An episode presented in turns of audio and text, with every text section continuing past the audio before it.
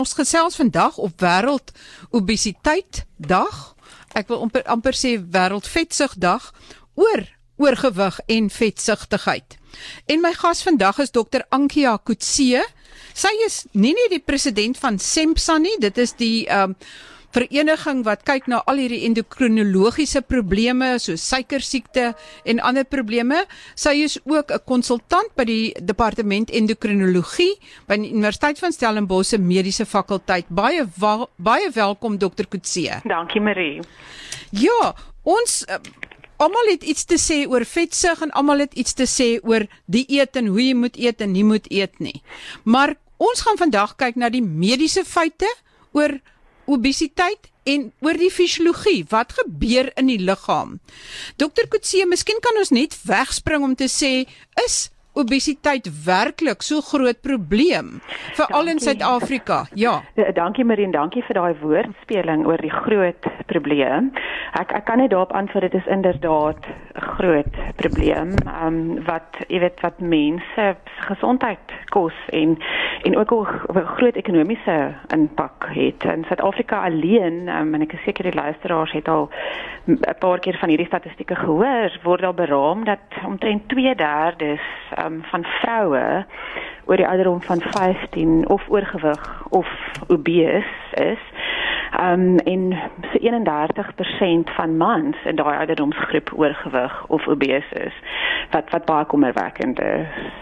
Sjoe, so ons staan eintlik wat die wêreld betref op 'n op die podium vir die medalje vir die land wat een van die grootste insidensies het van oorgewig en obesiteit. Ja verseker um, en net om dit in perspektief te stel ons dink altyd aan aan die oorsake van dood as as infeksiesiektes gedrewe maar daar word beraam dat obesiteit en die geassosieerde siektes um baie baie meer lei tot dood um as as wat jy die infeksiesiektes soos malaria en tuberkulose en HIV kombineer wat wat dinge nogal vir 'n mens in perspektief sit.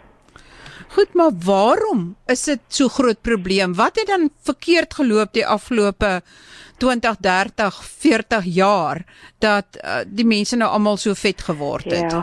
Weet jy, ek dink die oorsaak as ons as ons dink aan die oorsaak uh, is 20, 30, 40 jaar dalk te kort, ehm um, jy weet om om om na al die oorsake te kyk. So so baie van die oorsake lê in die laaste 200, 300 jaar, ehm um, waar waar kinders in hulle ma se baarmoeders geprogrammeer word om te oorleef met 'n sekere omstandigheid. As daai omstandigheid dan nie, jy weet, 'n omstandigheid is waar daar nie kos beskikbaar is ensovoorts nie, word daai baba nog steeds geprogrammeer om sekere energie te stoor.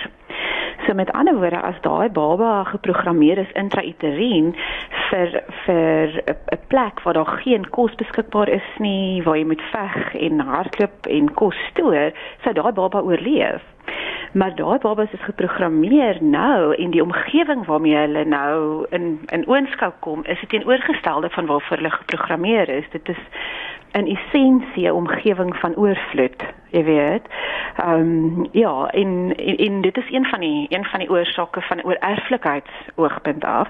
Maar as jy weet daar's daar's veelvuldige oorsake en ek dink jy is een van die redes hoekom ons sukkel met obesiteit aan te spreek is die feit dat dit multifaktorieel is. Jy weet daar's persoonlike en individuele faktore wat obesiteit bevoordeel en dan is daar die omgewingsfaktore wat die individu nie noodwendig ehm um, beheer oor het nie. Soos Soos as ons begin by die persoonlike faktore, jy weet in party kulture is dit meer wenslik om kurwes te hê. Ehm um, partykeer is mense onbewus van die assosiasie van die gesondheidsrisiko's wat gepaard gaan met die feit dat hulle oorgewig is.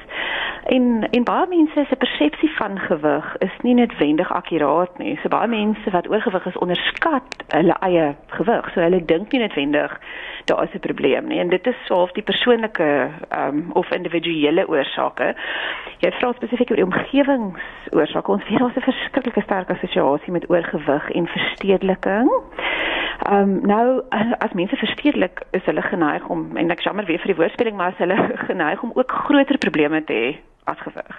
Jy weet waar gaan ek werk kry? Waar gaan my volgende maaltyd vandaan kom?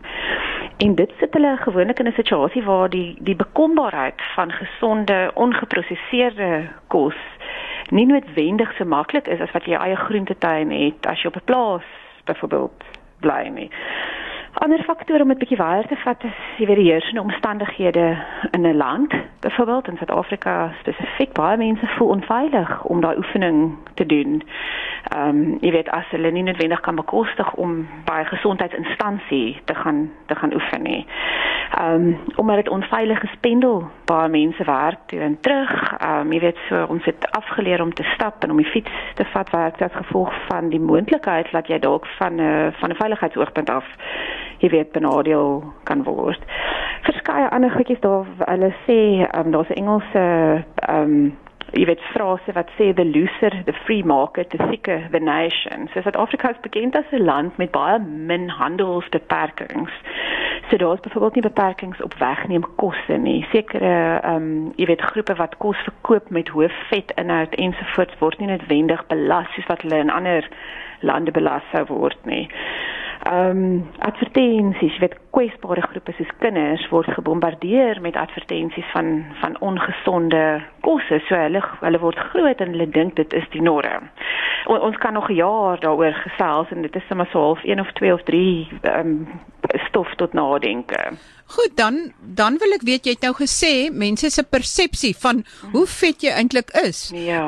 Is nie altyd korrek nie. Met ander woorde, dis nie voldoende om net in die spieël te kykie want jy gaan dalk vir jou spieelbeeld sê nee, wat is oukei okay, hoe ek lyk al is ek nou bietjie vetter. Ja. Maar hoe weet mense of iemand oorgewig is? Ja.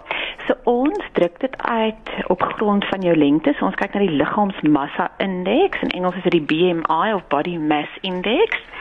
En daar is sekere afsnypunte waar ons dan sê in watter groep van daai gewigsrisikogroep jy basies val. So tussen um, as jy 'n gewig het, ons doen dit in kilogram gedeel deur die die meter ehm um, squared. So uh, die liggaamsmassa indeks tussen 20 en 25 is gewoonlik normaal. Meer as 25 tot 30 is oorgewig en dan oor 30 beweeg ons in die ehm um, in in die obesiteitskategorie in. Nou gesondheidsrisiko verhoog die oomblik as jou jou liggaamsmassa indeks hier by 24 25 rondkom. So so selfs al val jy nog in die normale gewigskategorie, maar jy is aan die bokant daarvan, gaan jou gesondheidsrisiko reeds op.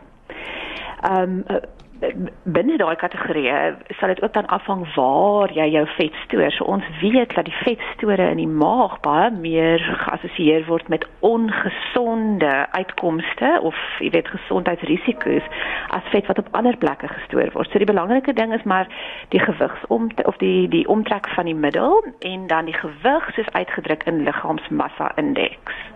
Goed, met ander woorde, soos Amore altyd sê van die anakonda om die lyf, ons gaan nou nou daarby uitkom want daai anakonda is eintlik binne in die lyf en hy het 'n lewe van sy eie wat glad nie so goed is vir jou gesondheid nie.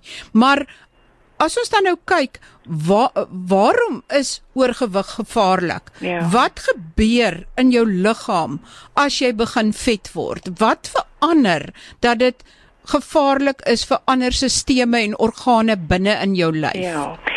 As ons net fokus op die die ek noem dit die reservoir van vetselle, so so baie mense stoor hulle vet, ehm um, jy weet op die boude en die heupe.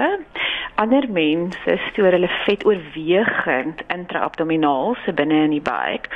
Nie een van daai is absoluut veilig nie, maar dit lyk asof dit meer onveilig is as jy iemand is wat jou vet oorwegend stoor in die buik. So, die buik vetweefsel, vetweefsel is 'n endokrien orgaan. Jy weet in die ou tyd het ons gedink dit is net lelik, maar ons weet nou dit is 'n baie hormonale aktiewe orgaan en veral die vetselle in die buik speel 'n baie groot rol in die gesondheidsrisiko's wat met obesiteit gepaard gaan. So soos wat die vetselle meer word en groter word, ontstaan daar 'n wanbalans in basies hoe hulle hormone hanteer en hoe hulle hormone afskei. Dit gebeur gewoonlik as hulle hulle kapasiteit oorskry en ons weet nie presies wanneer daai daai daai punt is waar jy jou persoonlike kapasiteit oorskry nie. As hulle dan daai kapasiteit oorskry, raak hulle basies groot in hulle hulle jy weet hulle hulle um, ontgroei basies hulle bloedvoorsiening wat 'n baie inflammatoriese omgewing tot gevolg het. En dit veroorsaak dan dat van die hormonale aktiwiteit in wanbalans is wat gepaard gaan dan met die ander abnormaliteite soos diabetes, ehm um, die metabooliese sindroom met die abnormale lipiede, um, jy weet dis die vette in die bloed ensovoorts. En met ander woorde, die ehm um, as jy vetter word dan word jou vetselle groter. Dit word nie noodwendig meer nie. Is dit meer en groter? groter. Ja. En dit is daai groter die groter word wat ja, die groot probleem ja, veroorsaak. Ja, verseker en wat daai inflammatoriese milieu um tot gevolg het. En wat gebeur uh, uh, hoe is die verbinding van oorgewig hmm. met die syne wat by jou hypothalamus in jou brein uitkom? Ja. So, so kom ons praat 'n bietjie um vetselhormone. So die twee groot hormone wat wat ons dink um, wat 'n rol speel is die adiponektin hormoon en die en die leptin hormoon. So net om dit in perspektief te stel, die leptin hormoon noem ons die versadigheid hormoon. So die leptin hormoon sê vir jou brein, hoorie, ek het genoeg energiestore, moenie eet nie. So almal van ons skei leptin af na 'n 'n maaltyd. Jy weet van dit, dit reguleer basies jou aptyt. Ehm um, die ander hormoon is wat ons noem adiponektin wat ook deur die vetweefsel afgeskei word en dit is hier waar ons begin sien waar die die die siekte toestande wat geassosieer is met obesiteit inkom.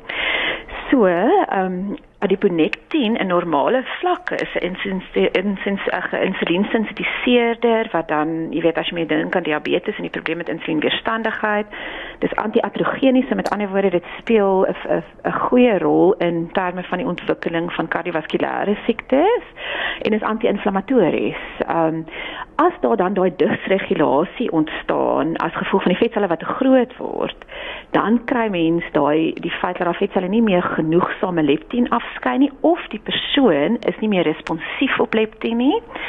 En selle met adiponektin, jy weet dis dat die adiponektin nie meer afgeskei word nie, so jy verloor daai insulinsensitiserings um komponent van adiponektin jy ontwikkel die ander dinge soos kardiovaskulêre siektes omdat jy nie meer die beskermers teen kardiovaskulêre siektes in plek het nie en jy raak dan soort van ook insulienweerstandig en en alles begin verkeerd te loop hmm. eintlik. Ja, nee, verseker. Ja, dis dis dis baie baie baie onge, jy weet ongewens.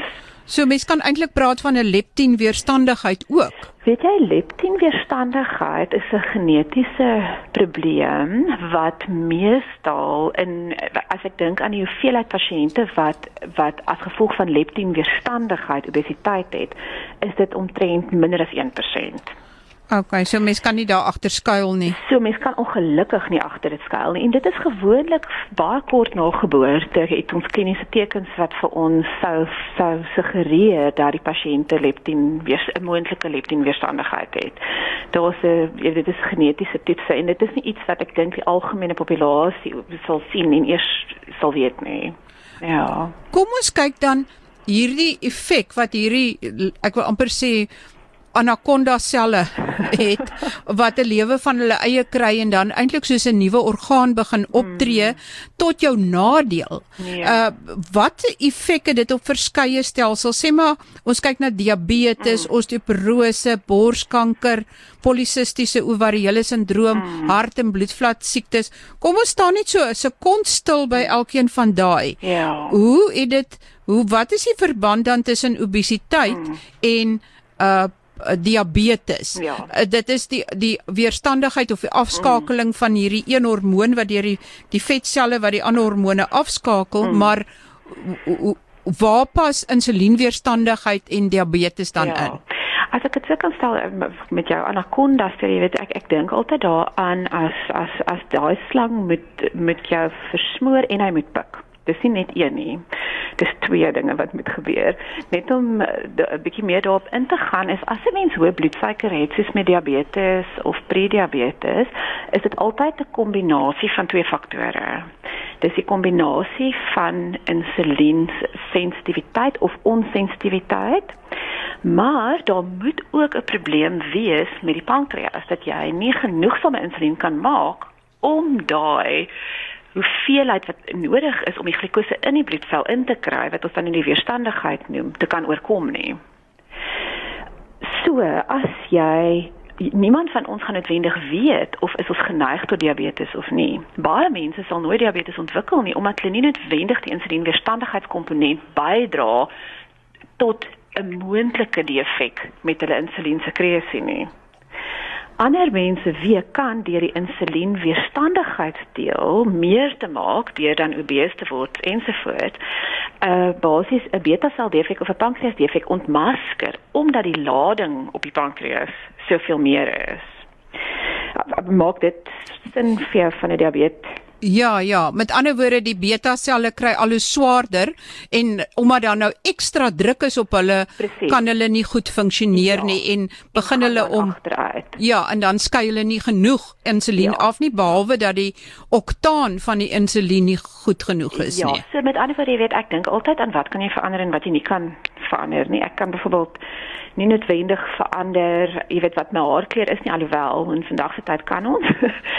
jy weet aan die feit dat jy 'n moontlike probleem in jou pankreas kan een van ons enigiets doen op huidige huidige in die huidige tyd waarin ons leef nie.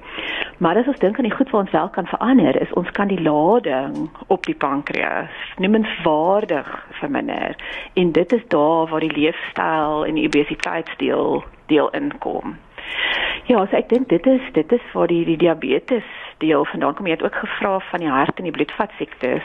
Ja. Ehm um, so as ons dink aan die om terug te kom na die adiponektin, dit is 'n anti-aterogeniese en 'n anti-inflammatoriese hormoon. Nou ons weet binne in jou bloedvate as jy inflammasie kry, veroorsaak dit blokkades daai blokkades lei dan tot 'n verminderde suurstofvoorsiening tot die spierweefsel ensovoorts van die hart. En dit is basies wat ons dan noem, jy weet, hartaanval in in in terme van ehm um, van die algemene populasie. So so die feit dat jy dan 'n uh, 'n wanbalans tussen jou jou stollings en jou nie-stollingsprodukte het, veroorsaak dat jy meer stolbaar is in sekere vate, na sekere organe toe en dit is dan hoe die obesiteit inskakel met die kardiovaskulêre risikofaktore ongeag of daardie persoon diabetes het of nie. En ek dink dit is belangrik, jy weet, dat die metabooliese sindroom en die komponente daarvan hoef nie noodwendig diabetes um in te hê nie. Jy weet, so jy kan voel die metabooliese sindroom met 'n slegter kardiovaskulêre risiko deur net lipidabnormaliteite en net 'n verhoogde buik omtrek te hê.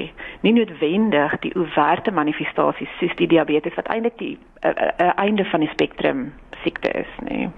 Sjoe, so jy hoef nie eens diabetes te kry nie, dan kan jy al klaar hartprobleme mm, ontwikkel. Verseker. En ek verstaan dat uh oorgewig mense Vitamiin D wat 'n baie belangrike faktor is in die voorkoming van osteoporose dat die Vitamiin D nou in die vetselle gaan lê en dan nie eintlik beskikbaar is om sy werk te doen om jou bene en jou skeletbene sterker te maak nie.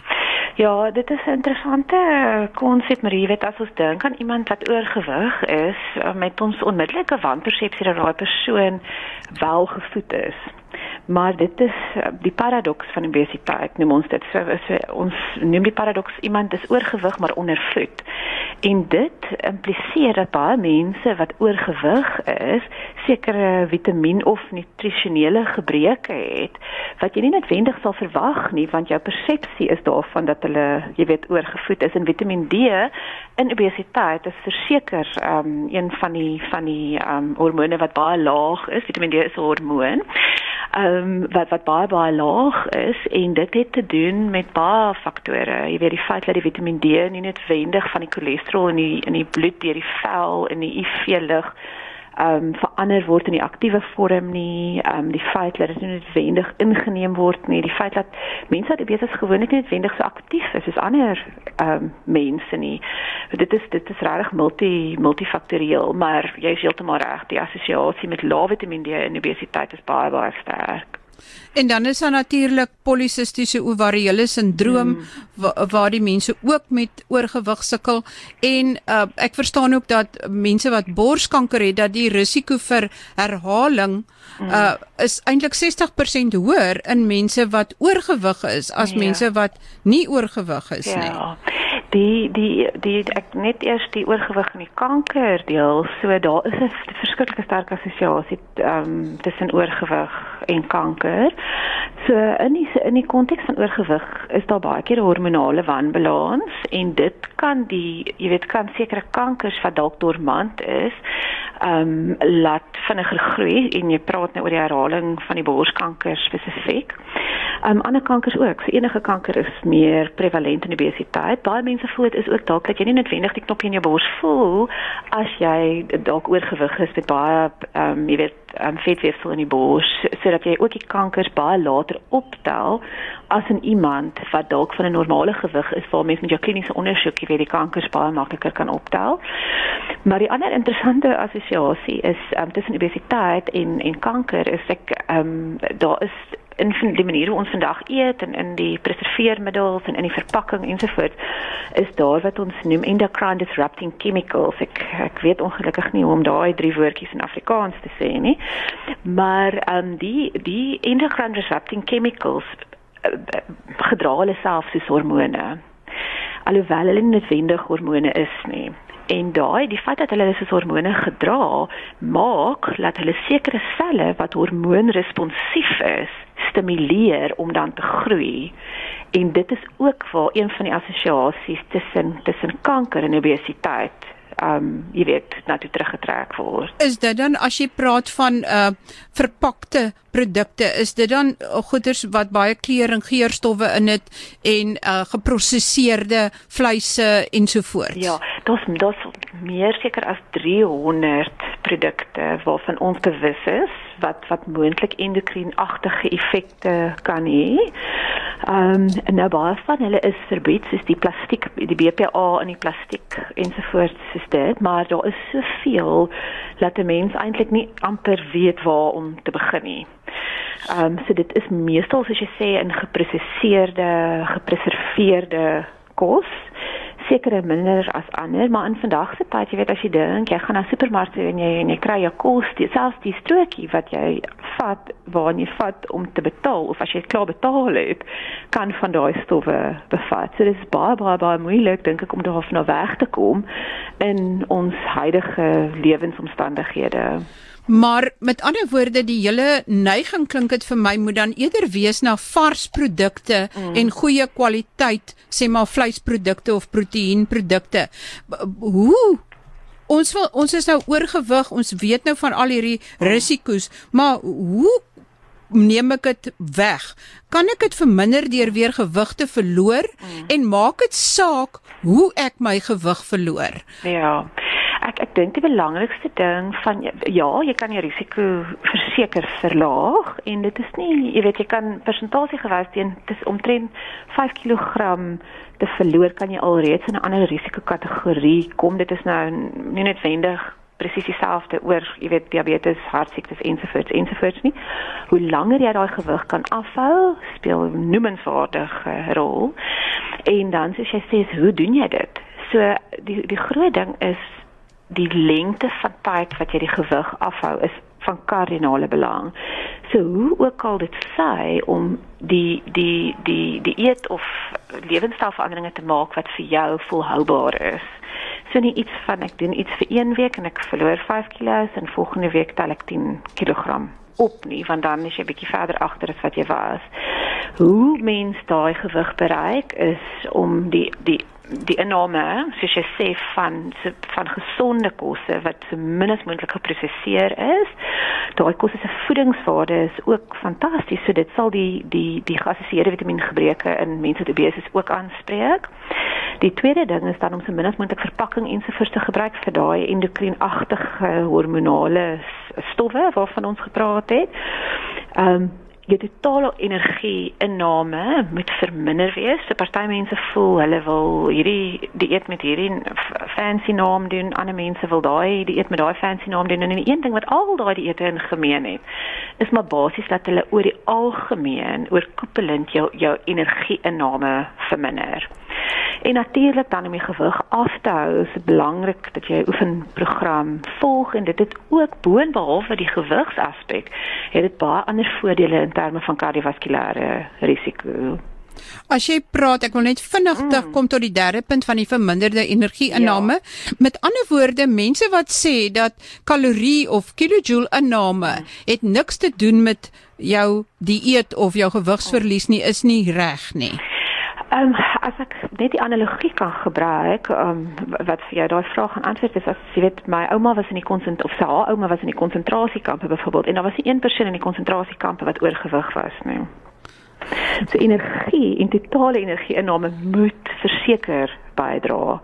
Ehm um, jy weet as jy vir 'n lang tydperk nie kos het nie, gaan jy gewig verloor. Dokter uh, Kutse, as jy 'n finale boodskap moet gee aan die luisteraars hier aan die einde van die gesprek, mm. wat sal daai 'n uh, kernboodskap wees wat jy sal wil hê mense moet onthou oor oorgewig en vetsigtigheid? Mm. Maar ek dink dat goed wat ons kan verander en ons goed wat ons nie kan verander nie. Die goed wat ons kan verander kan 'n noemenswaardige impak maak op ons welstand. Ehm um, dit is nie maklik om met diabetes of met kardiale siekte te lewe nie en ons kan elkeen van daai probleme voorkom deur terug te gaan na ons wortels toe en en en te eet soos wat ons veronderstel was om te eet. Ehm um, nader aan die grond en ehm um, en en met nader aan die grond bedoel ek minder geprosesseerde produkte meer ehm um, nutrisionele voordele aan jou kalorieë, geheg so nie leë kalorieë nie. Ehm um, en oefening. Dis vir ons veronderstel is om te wees. Baie baie dankie. Dit is makliker gesê as gedaan. Seker. En ek gaan ook baie harder probeer en ek is seker ek hoop ander van die ander luisteraars gaan ook bietjie harder probeer en Baie baie dankie dokter Kutse. Sy is endokrinoloog by die Universiteit van Stellenbosch Mediese Skool en ook president van SEMSA.